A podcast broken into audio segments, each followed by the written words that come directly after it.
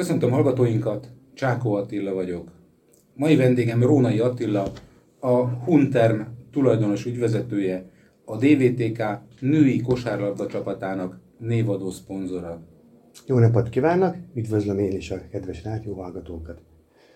És köszöntöm Attilát is, és köszönöm, hogy befáradt a stúdióba. Én köszönöm a lehetőséget. Először egy kicsit nem a szponzorációról fogunk beszélni, hanem a cégről, illetve hát mint őről, mint menedzserről, hogy hogy kezdődött a, a vállalkozásának a, az indítása? Értettem. Ö, azt szoktam mondani, hogy én valamilyen szinten szerencsésnek érzem magam. Ugye nekem a ö, szülői háttérből mind édesapám, mind édesanyám hiába elváltak, de ugye mind a ketten külön-külön vállalkozást nyitottak. Így igazából a iskola meg a egyetem mellett volt szerencsém háromféle vállalkozásba is ö, bepillantást nyerni, dolgozni az iskola mellett, és végül is úgy hozta az élet, hogy a nyílászáró gyártásba töltöttem el több időt édesanyám mellett. Ez 2004-ben kezdtem el tevékenyen részt venni, nullától indultam, tehát minden egyes folyamatát, lépcsőjét végigjártam, és ahogy édesanyám sajnos kezdett rosszabb egészségügyi állapotban lenni, 2012-ben ő ugye eladta ezt a céget, és én meg ott maradtam, hogy mit évő legyek. És 2013-ban jött létre a Hunterm, úgy gondoltam, hogy van légy jogosultsága az eddig megszerzett szakmai tapasztalatnak, rendelkeztem kapcsolati tőkével, beszállító ismerettséggel, és igazából így indult el ez az egész folyamat a kapcsolati tőke az rettentően fontos minden vállalkozás, vagy talán az élet minden területén, de mondjuk azért ehhez pénz is kellett, és hogy kell elképzelni, hogy vett egy sufnit, egy ablakkészítő gépet, vagy pedig egy, már egy csarnokba tudott beszállni, vagy esetleg az édesanyja által korábban birtokolt vagyontárgyakat, eszközöket, gépeket is tudta hasznosítani. A legutóbbi volt, tehát annak egy részét tudtam hasznosítani, amit ő annak idén meg tudtam venni, a többit pedig ő bérbe vettem, tehát igazából 2019-ig a legtöbb dolog, ami nálunk volt, tehát maga az ingatlan, illetve a gépgyártósornak a jelentős része, az bérleményben volt, és 2019-ben tudtam ezt megvásárolni, tehát most már ott tartunk, hogy mind a csarnok, mind a gépek az saját tulajdonban van, tehát nem kell már bérelnem. És a kezdeti időkben hány emberrel dolgozott, és most hány emberrel dolgozik? Kezdetben úgy indult, hogy három fővel indult maga a vállalkozás, folyamatosan fejlődtünk, talán 2017-ben volt egy nagyobb robbanásszerű létszámnövekedés, akkor már 44 fővel voltunk, és most 55 fővel vagyunk, tehát folyamatosan fejlődünk, mind emberállományba, mint ö, gyártás, de technológiába, gépparkba, úgyhogy igyekszünk mi is a korra haladni. És a Covid-ot nem érezték meg, vagy akár most a háborút? Megmondom őszintén, ezért a Covid, tehát a legelső hullám, hogyha lehet így fogalmazni, akkor szerintem mint mindenki más, mi is picikét megijedtünk, és ismeretlen helyzettel találkoztunk, nem nagyon volt még rá ö, példa. Az első hónap után ugye valamit kellett valami megoldást találni erre a helyzetre. Annyi az szerencsénk talán, hogy azért otthonról, home office-ból, akkor így mondom, nyílázárót gyártani elég nehéz, tehát valóságban be is kell menni és tevékenyen részt kell venni, és igazából ezt a partnereink is felismerték, hogy terméket eladni otthonról, az nem lesz egyszerű. Főleg úgy, hogy az ember ugye mostanában szereti már nem csak távolról megnézni magát, amit kap, hanem megfutosni, nyitni, zárni, hogy mégis lássa, hogy mit fog kapni azért a pénzért. Mikor érezte úgy először, hogy megérte, hogy belevágott? Mi volt az a pont? A, ránézett a bankszámlájára, a cég bankszámlájára, vagy pedig egymásnak adták a kilincset a vevők, vagy még embereket tudott felvenni. Tehát mi volt az a momentum, amikor, amikor azt mondta, hogy jól döntöttem. Nyilván ez lépésről lépésre haladt.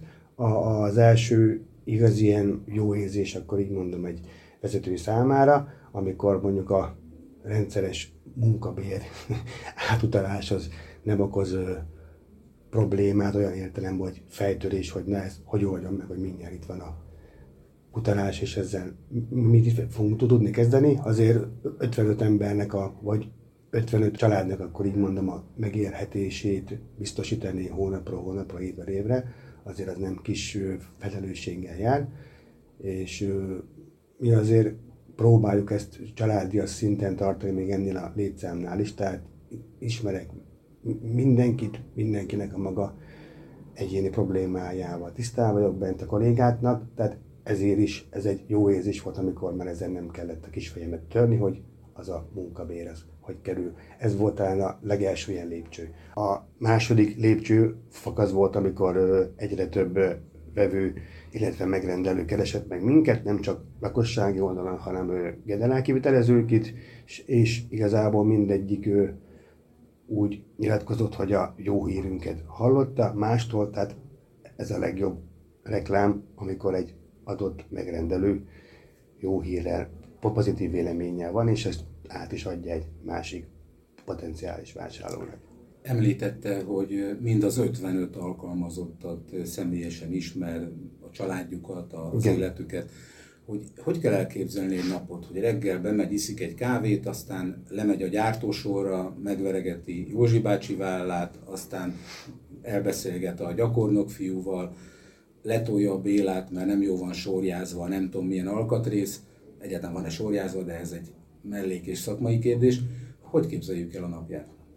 Nyilván ilyesmi, azért ennyire nem. Nyilván, mint hogy minden normális cégnél, ugye nálam is megvan a üzem vezetői kolléga, akkor az értékesítésben részevő kolléga, tehát azért minden poszton megvannak azok az adott emberek, akiknek megvan a napi rutinszerű feladatok, azért nem minden nap beszélgetek mind az 55 emberrel, mert akkor elmenne vele a napom, és nem tudnék azzal foglalkozni, hogy hogyan lehetne javítani, fejleszteni, vagy éppen fejlődni 2023-ban is, háborúban is. Úgyhogy, de nagyjából hasonló, nyilván minden nap kimegyek a gyártósorra, szerencsére sorjázásra visszatérve nálunk elég modern, úgy gondolom, a gyártási technológia, tehát vonalkód alapú gyártás van nálunk, már maga a megrendelés is elektronikus formában jön be hozzánk, amit mi egy rendszeren keresztül továbbítunk a megmunkáló központ egésztőgép, tehát magyarán mindenhol van a kódos rendszerben dolgoznak a kollégák, a vonalkód leolvasásával megtudják, hogy éppen a, mi az adott munkafolyamat, és így működik a gyártás, tehát viszonylag modern gyártósorunk van, akkor így gondolom. És azt, hogy mire van igény, azt hogy mérik fel? Mi úgy döntöttük annak idén 2013-ban, hogy a, a nagyon olcsó kategória, vagy a nem megfelelő minőségű termékek piacán nem, nem szeretnénk ö, ö, helytállni, versenybe szállni, inkább a magasabb minőséget szeretnénk képviselni, így választottuk ki az összes beszállítóinkat, és nyilván ez kapcsolódik egy magasabb ár, de én úgy látom, hogy a vásárlók 90%-a már az elmúlt jó tíz év alatt odáig jutott, hogy mindenki tisztában van vele, hogy egy adott terméket jobb egyszer megvenni, és utána boldogan használni 10-20-30 évig, mint 3-4 évente újra venni egy adott terméket, és kidobálni az ablakon szó szerint a pénzt. A partnereiket honnan szerzik, akiknek értékesítenek? Tehát nem annak, aki bemegy és egy családi házra vesz 10 nyílászárót, hanem lakóparkokat keresnek meg, vagy nagykereskedőket? Vagy milyen módon is ez országos lefedettséget jelent, vagy akár meg exportálnak is? Kétféle irány van nálunk. Az egyik az a közvetlen lakossági értékesítés. Ugye van három saját mintaboltunk, bemutatótermünk, ki minek hívja, Miskolcon, Veszprémben és Szegeden, és a többi nagyvárosban országos lefedettséggel pedig viszontaladói partnerekkel rendelkezünk. Mi azt a fajta politikát folytatjuk, hogy egy adott városba egy régi, meglévő a partnert erősítünk, tehát ő neki mind kedvezménybe, reklámba, szolgáltatásba, tehát mindent maximálisan átadunk, maximálisan megadjuk, és nem is igazából engedünk be az ő területére esetleg új jelentkezőt, ezáltal úgymond limitáltak a, a partnereink száma, viszont ugye cserébe stabil a vásárlókör, tehát nincs az, hogy ma tőlem vesz, holnap után a másik gyártótól, tehát hűségesek, akkor így mondom a partnereink, és ezt mi is az igyekszünk meghálálni nekik. Export? Export van. Ö, nyilván ugye itt a határ közelsége, Szlovákia az mindig is volt, mindig is lesz. Ausztria, Németország, Olaszországban is próbálkoztunk, elsőre nem jártunk sikerrel, Nemrégiben vettünk egy új gyártás technológiai hegesztőgépet, ami Magyarországon még nincs senkinek. Azon kívül, hogy műszakileg is plusz nyújt, igazából egy átlagember számára esztétikában nagyon sokat dob, főleg egy színes termék esetében, amit azért a, egy olasz piac már elvár, tehát igazából ezzel a technológiával lehetne akkor újra támadásba lendülni a olasz piac vele mintha megtorpanni látszana az építőipar. Van menekülő útvonal? Igen, ez, a, ez az év ez nem lesz a legfényesebb, ezt én is így gondolom. Azt azért hozzá teszem gyorsan, hogy ami az elmúlt két-három évben volt, azért az, az a felfutás se volt normális. Nyilván megvoltak a, mind a lakossági oldalról, mind pedig az állami oldalról azok a támogatások, akár uniós szinten is, amiket ezt a fajta túlzott felívelést eredményezték. Nyilván ahhoz képest ez az év ez jelentősen rosszabb. Hasonló a helyzet különben itt a kelet-európai országokban, vagy közép-kelet-európában is szintén az építőiparban, de mivel ott nem volt akkor a kiugró emelkedés az elmúlt pár évben, ugye nyilván nem is olyan mértékű a visszaesés. Én úgy gondolom, hogy megoldás vagy kiút az mindig van, csak meg kell találni. Minőségi termékekre szerintem mindig is volt kereslet, és mindig is lesz. A vevők, biztosan mondom, hogy mai vevő már ö, olyan szinten tisztában van, hál' Istennek azzal, hogy milyen műszaki tartalmat keres, illetve ahhoz milyen szolgáltatásokat szeretne igénybe venni. Hál' Istennek egyre kevesebbet kell úgymond terelgetni, vagy segíteni a megrendelőt, és igazából ez lehet az egyetlen egy kikót, amikor a vevőnek mindenféle igényét ki tudjuk elégíteni, mert, mert az igény az megmaradt most is, meg létezik, csak rá kell találni nagy divat, vagy inkább trend most az okos otthonok építése. Ebbe a szegmensbe mennyire lehet piacot szerezni és találni? Az okos otthon az ugye nyilván a alap dolog az, hogy egy okos házrendszert összekötök sok mindennel, ez ugye lehet fűtés, hűtés, riasztó, és ugye nagyjából itt kerül képbe egy nyílázáró. Ugye nyílázáróban, hogyha ezt feleleink a megrendelő előre jelzi, hogy ő neki lesz okos otthona, akár nyilázzáró, akár redőny témába. Az ablakba például be lehet szerelni gyárilag nyitásérzékelőt, ami most már nagyon esztétikus, mondhatnám azt, hogy nem is nagyon látszik, azt egy okos otthonba be lehet kötni, és akár az egy okos otthon rendszeren keresztül, akár egy mobilos applikáción keresztül látja a kedves ügyfél, hogy melyik nyílászárót hagyta éppen, vagy ő nyitva, vagy éppen azért van ugye kinyitva, mert valaki beszeretne rajta jönni, akit annyira nem nagyon vár. Tehát mindenre van megoldás, nyilván ugyanezt meg lehet az árnyékolást a technikával is csinálni, akár időre, beprogramozva, akár a napszaknak megfelelően le, illetve fel. De belát üzleti potenciált? Van benne potenciál, persze. Ez a fajta vevői kör, úgy gondolom ez, ez, ez inkább válságálló, tehát nem nagyon érzik meg a, a gyengébb éveket. A nyilázárok piaca, az mennyire telített, és me- mekkora a verseny? Ez is egy nagyon érdekes dolog. A magyarországi nyilázáró gyártók jelentős része, akik hozzánk hasonlóan inkább úgy fogalmazok, modellgyártósorral, tehát kapacitásba, minőségbe hasonlóan produkálnak, mint mi. A legtöbbik itt a kelet-magyarországi régióban található, tehát hogy itt vagyunk, mondjuk azt, hogy 150 kilométeren belül egymáson, és innen mi indulunk, vagy innen támadunk nyugatra, délre, északra, tehát mindenki, amerre éppen tud. Annak ellenére, hogy ilyen közel vagyunk egymáshoz, mindenkinek megvan a maga saját piaca, mindenkinek meg, megvan a maga saját vevőkere, úgymond akár viszontaladói hálózata, ugye próbál mindenki más-más termék családból nyílázárót gyártani, ezáltal nem is nagyon zavarjuk egymást, én úgy gondolom, illetve az elmúlt időszakban ebbe is szerencsére változás történt, hogy nem azon dolgozik a konkurencia, hogy a másikat el lehetetlenítse, hanem akár egy segítő szándékkal is. Tehát nálunk is volt rá példa, hogy Iregyházán egy hasonló nyílázáró gyártónak éppen valami problémája volt alapanyagban, és ugyanaz a beszállító szállít be hozzá is, mint hozzánk, ő neki nem volt alapanyag, nem tudott szállítani, nekem volt fölösleges, és ebbe segítettem neki, de ez oda-vissza működik. Tehát ebben amúgy, hál' Istennek én szerintem már előle lépett a piac.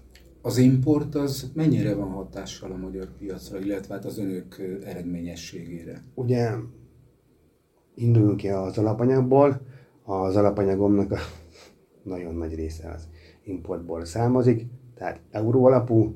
Nem erre gondoltam. Tudom, tudom, tudom, hanem a termékre. Maga a termék az igazából innen Lengyelországból, illetve Romániából jön be a magyar piacra rengeteg ablak.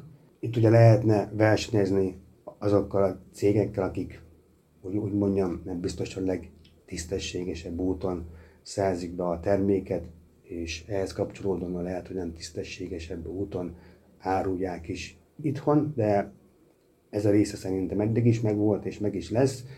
A jövőben is nyilván hosszú távon egyik ilyen ö, piaci szereplőnek sincs jövője, így ezzel nagyon nem is foglalkozom, megmondom őszintén. Tehát van, létezik, nem kevés mennyiség érkezik be az országba, de úgy, ahogy mi sem foglalkozunk vele, én úgy látom, hogy a piaci megrendelői állomány se nagyon foglalkozik vele, tehát e- egyre jobban lecsökken ennek az igénye, hiszen amikor azt mondják egy adott termékre, hogy lehet, hogy 10-20%-kal olcsóbb, vagy mondjuk esetleg egy 27%-os áfa mértékével kedvezőbb az adott termék, de holnap után már ne keressél, hogy van vele valami problémád, akkor ott az ember elgondolkozik, hogy akkor mégis mit választom. A cég neve az egy szó összetétel, Hun és Term. A Hun az vélelmezem, hogy Hungarit jelent, tehát Magyarországot. Miért tartott ez fontosnak a cég nevében közölni, illetve mit jelent önnek Magyarország? Első lépésként ugye Magyar, Magyarországon élünk, azon belül is Miskolcon magyar emberek vagyunk, itt is ö, dolgozunk, nem hiszem, hogy ezt le kellene tudatni. Úgy gondolom, hogy erre azért ö, büszke lehet mindenki, hogy magyarnak született és annak is vallja magát, ezzel szerintem semmi probléma, úgyhogy ezt mi is fontosnak tartottuk, hogy a, ez a cég névbe is megjelenjen. A másik pedig a szigetelés szóból, tehát a tetevődik össze, és igazából így alakult ez a szó összetétel, hogy mondtam. Azon kívül én szerintem jól is hangzik, de lehet, ez csak az én véleményem. Ön a DVTK női kosárlabda csapatának a névadó szponzora.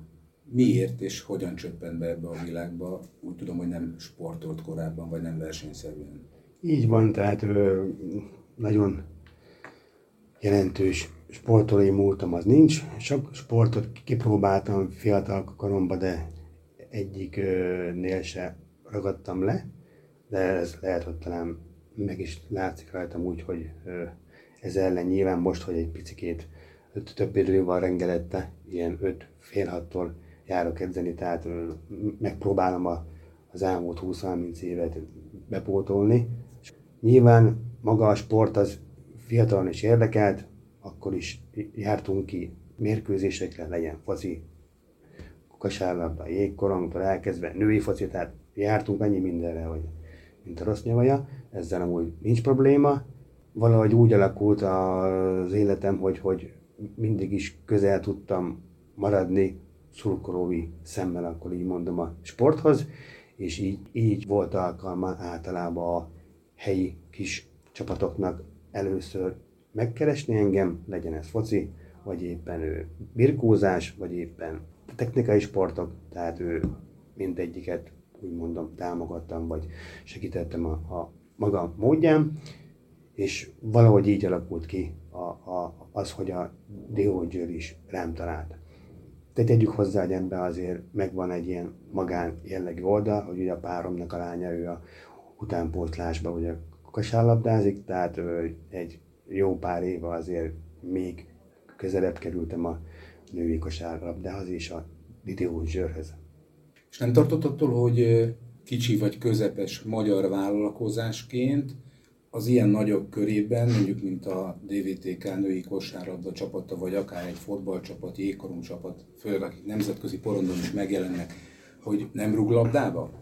Hát mindenféleképpen, amikor legelőször megkeresett a DVTK, én nem is értettem, hogy én, mint egy kis helyi vállalkozás, miben tudnék segíteni, vagy esetleg hogy tudnám támogatni a DVTK-t, azon belül is a női kosárlabdát, de utána igazából meggyőztek ők is, meg én is eljutottam magamba, hogyha, hogyha az én saját szintemen nem, nem próbálok megsegíteni, vagy nem indulunk el ezen az úton, hogy mindenki, amivel tud maga elejéhez mérten, vagy ahhoz képest segítse a helyi sportot, vagy a helyi sportolókat, csapatokat, akkor ez igazából nem fog megtörténni. Tehát el kell engedni azt a fajta félelmet, hogy kicsik vagyunk, nyilván tisztában vagyok a saját cégem mértékével, egyértelmű, hogy a, a, a többi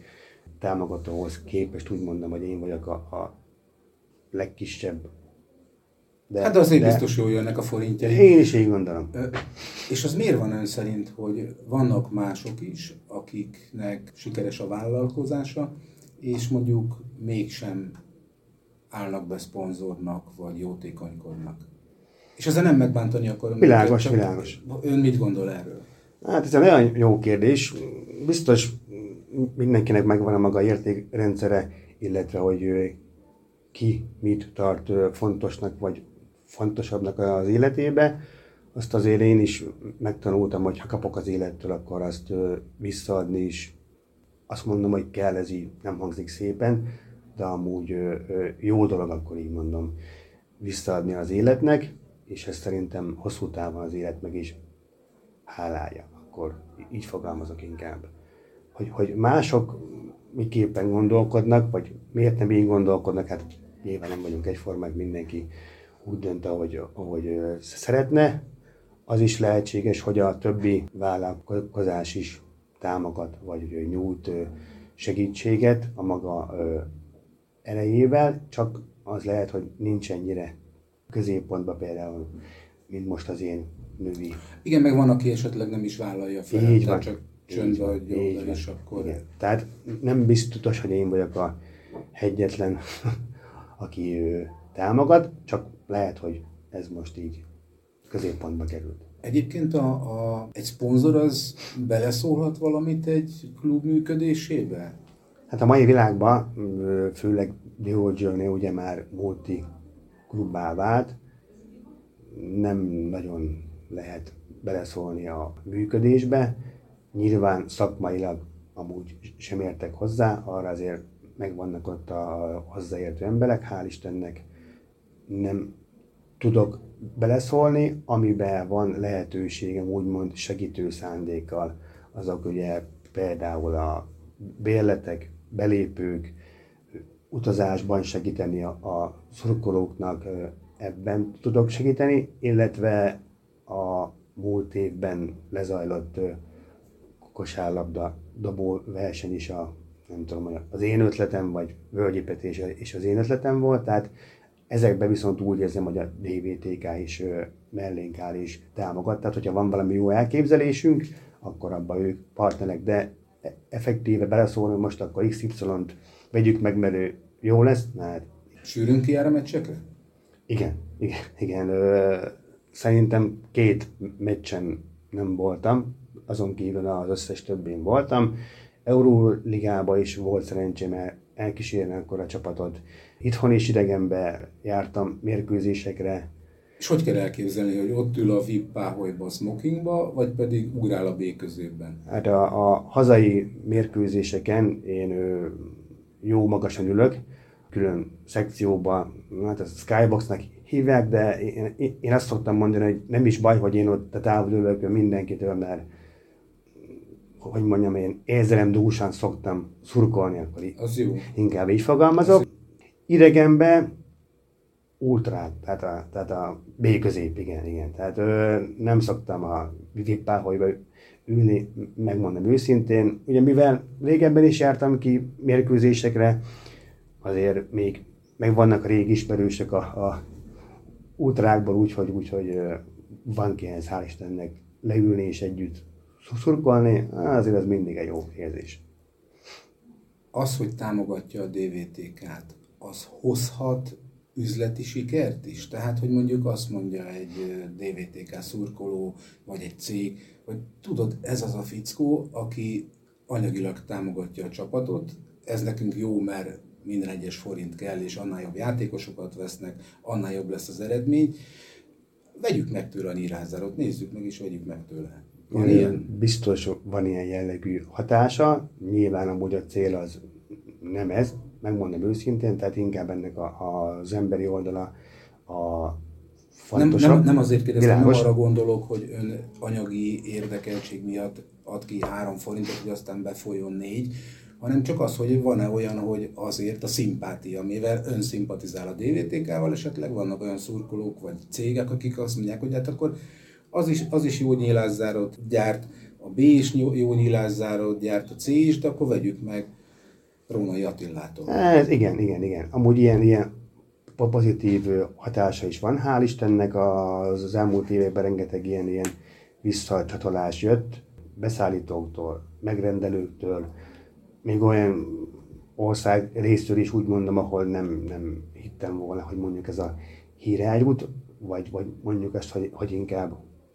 sportba konkurens város, akkor így fogalmazok. Tehát még onnan is jönnek ilyen pozitív visszacsatolások és hírek. Úgyhogy ez különben ez hatalmasan jó érzés, tehát ezt nem lehet leírni vagy elmondani. Beszélgettünk arról, hogy milyen évek voltak az elmúlt esztendőkben, vállalkozói szempontból most egy kicsit visszakanyarodnánk a vállalkozói létre. Tehát, hogy az elmúlt évekről beszélgettünk, de mit vár a következő évektől rövid és hosszú távon, illetve milyen tervei vannak? Mit várok? Úgy gondolom, hogy örökké lefelé nem mehetünk, tehát hullámvölgy a gazdaságban az volt is, van is, és lesz is a jövőben. Ezekre fel kell tudni készülni már azokban az időkben, amikor felfelé ívelünk. Úgy gondolom, hogy elértük azt így az elmúlt tíz évben, remélem ez nem nagy képűségként hangzik, vagy nem hangzik nagy képűen, hogy szerintem válságállóvá nőttük magunkat. Annyiból picit talán jó ez az év, ez a 2023-as év, amikor nincs akkor a balondok háza, így mondom, akkor most tudunk gondolkodni azon, hogy milyen fejlesztéseket, milyen bővítéseket csináljunk ebben az évben, illetve jövőben. Ezt folyamatban is van, tehát csarnok bővítés, géppark további fejlesztése, tehát ez az időszak az, amikor talán erre jobban van idő, hogy ezt az ember fejben átgondolja és meg is tudja valósítani. De szerintem ez, ez amúgy is szükséges ahhoz, hogy hosszú távon, amikor majd a lentről vagy a nulláról újra elkezdő felévelni a gazdaság és megindul a úgymond a kereslet, akkor azt ki is tudjuk szolgálni mind határidőben, mind pedig minőségben. Ha itt lenne egy kosár és egy kosárlabda, tízből hányat dobna be? Hú, hát én nem nagyon játszom jól, ö, inkább csak nézem vagy szuszulkolom, de szerintem, hogy tízből hármat azért csak becsavarnék, nagyon remélem. És igazából talán erre is volt jó ez a dobóverseny, egy erre picit visszakanyarodva, hogy ö, egy átlagember is, vagy egy szuszulkoró is érezze, hogy ezt a három pontos nem olyan könnyű ezt be, bedobni. Tehát mondjuk, hogy dobja, dobja, de nem dobtad, de miért nem? Hát gyere le, próbáld meg. Nem olyan egyszerű ez, kérem szépen. És az üzleti életben ott hányat dobnak be, vagy hány zicser csap le? Ö, hát ott azért jobb a százalék. Tehát a statisztikailag ott az jobban állok, hál' Isten. Hál' Istennek. Ö, nem szabad abba a hibába esni, vagy azt hinni magunkra, hogy most már akkor értünk, mindent révbe értünk és át lehet dőlni, vagy hogy mi mindent is tudunk és mindenhez is értünk. Folyamatosan fejlődni kell, figyelni a piacot, figyelni az újdonságokat, mind beszállító, mind gyártás technológia, mind termékek tekintetében, illetve azt, hogy a konkurens mit kínál, tehát sosem lehet úgymond nyugovóra térni, hogy most már révbe értünk, és innentől már csak számolni kell a pénzt, mert akkor az ott vége, oda készegültek.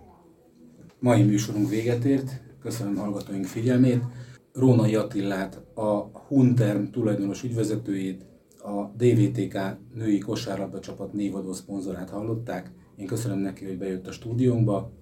Én köszönöm szépen a lehetőséget és a meghívást. Sok sikert kívánok az üzleti életben, és hajrá DVTK! Köszönöm, hajrá, jön.